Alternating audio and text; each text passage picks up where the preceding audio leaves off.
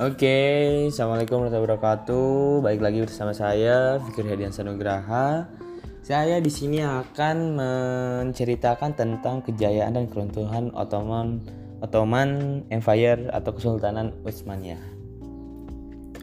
Oke, eh, dalam Kehalifahan Utsmani atau dikenal Ottoman dalam ejaan Barat merupakan kehalifahan Islam terbesar yang bukan dari bangsa Arab seperti dikutip dari buku berjudul History of the Arabs karya Philip Khoury Haiti disebutkan kehalifahan dinasti Utsmani di Konstantinopel ini berjaya antara 1517 sampai 1924 Masehi.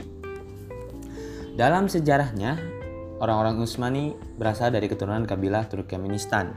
Namun, serangan orang-orang Mongol di bawah Genghis Khan ke Irak dan wilayah timur Asia Kecil membuat Sulaiman atau kakek Osman I hijrah dari Kurdistan ke Anatolia pada 617 Hijriah atau 1220 Masehi. Mereka kemudian berdomisili di kota Atlat di sebelah timur Turki. Putra Sulaiman, Ertugrul, kemudian menggantikan posisinya sebagai pemimpin kabilah dan bergerak terus ke barat Laut Anatolia saat melihat pertempuran sengit antara kaum muslimin Saljuk dan orang-orang Kristen Romawi. Kabilah di bawah Ertugrul ini berlang, bergabung dengan kaum muslimin. Dan Kesultanan Otonom berada, pernah berada pada puncak kejayaannya di bawah pemerintahan Sultan Sulaiman Al-Qanuni pada abad ke-16 dan 17 Masehi.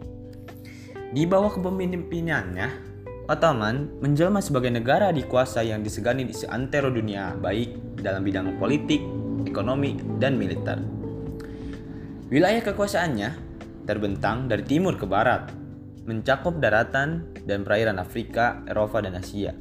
Saking luasnya, wilayah kekuasaannya Sultan Sulaiman mendapatkan juluk Solomon the Magnificent atau Solomon the Great.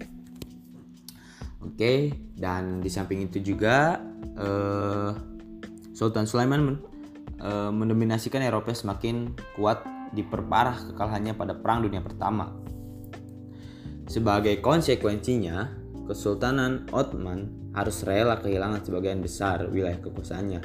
Berawal dari sinilah revolusi Turki dipimpin oleh Mustafa Kemal dimulai. Namun, jika ditelisik lebih jauh, sebenarnya Kesultanan Ottoman mulai melemah sejak semeninggalnya Sultan Sulaiman, the Magnificent atau Solomon the Great. Oke. Okay. Dan kemudian ditambah dengan gaya hidup para abdi dalam, istana yang glamor dan banyak terjadi penyelewengan keuangan atau korupsi. Puncaknya, pada masa kepemimpinan Sultan Ibrahim 1640 sampai 1648, dikala permaisuri dan keluarganya turut dalam mengendalikan roda pemerintahan bahkan Sultan Ibrahim yang lemah dijadikan boneka oleh wajirnya atau perdana menterinya bernama Mustafa. Dan eh, kelemahan dalam atau keruntuhannya Kesultanan Utsmaniyah adalah sultan berperang atau berperangan buruk.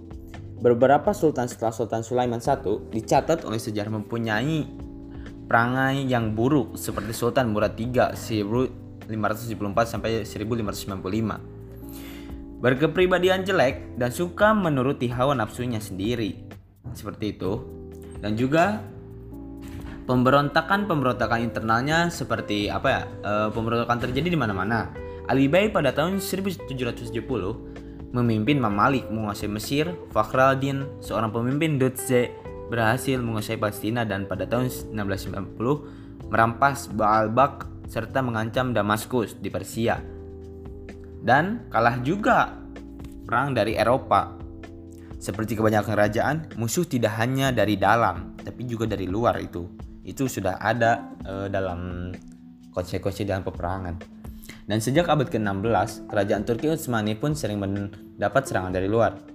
Puncaknya adalah pada Perang Dunia I, di mana Turki kehilangan segala-galanya. Dan militer penjajah memasuki Istanbul akibat dari rencana busuk Mustafa Kemal. Oke. Okay. Tapi eh, salah satu peradaban terhebat dunia adalah yaitu tetap adalah Turki. Dan uh, oleh itu pada 19 eh pada 1876 masih gerakan Turki muda dengan ideologi liberal berhasil memaksa Sultan Abdul Hamid II menerima konstitusi pada 1876. Sebuah konstitusi sekuler pada 13 April 1909 Sultan Abdul Hamid II diturunkan.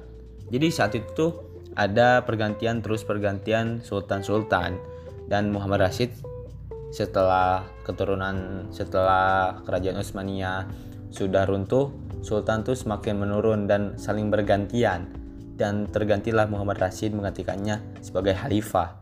Namun dia tidak berkuasa penuhnya karena pemerintahnya di bawah peranan gerakan Turki Muda.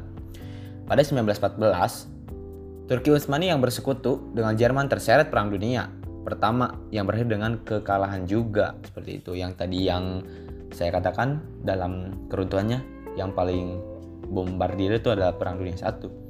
Dan oleh sebab itu, pada 1920, Mustafa Kemal yang juga berasal dari gerakan Turki Muda membentuk dan kepemimpinan Majelis Nasional Agung Turki yang berpusat di Ankara, Turki. Kemudian pada tahun 1922, Sultan Mehmet VI Fahdetin dijatuhkan dan mengangkat Abdul Majid II menjadi khalifah.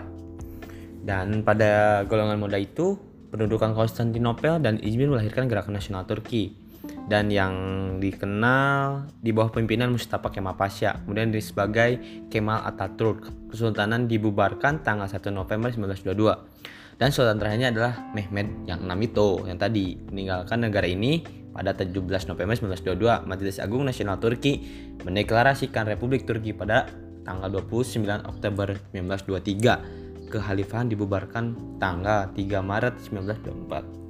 Oke, sekian mungkin dari saya tentang menceritakan tentang kejayaan dan keruntuhan Autonom Empire. E, mungkin ada salah kata dikit atau apa-apa yang tidak berkenan. Mohon maaf karena saya masih pemula gitu ya. Oke, e, sekian dari saya. Mohon maaf bila ada kesalahan. Wassalamualaikum warahmatullahi wabarakatuh. Bye, see you.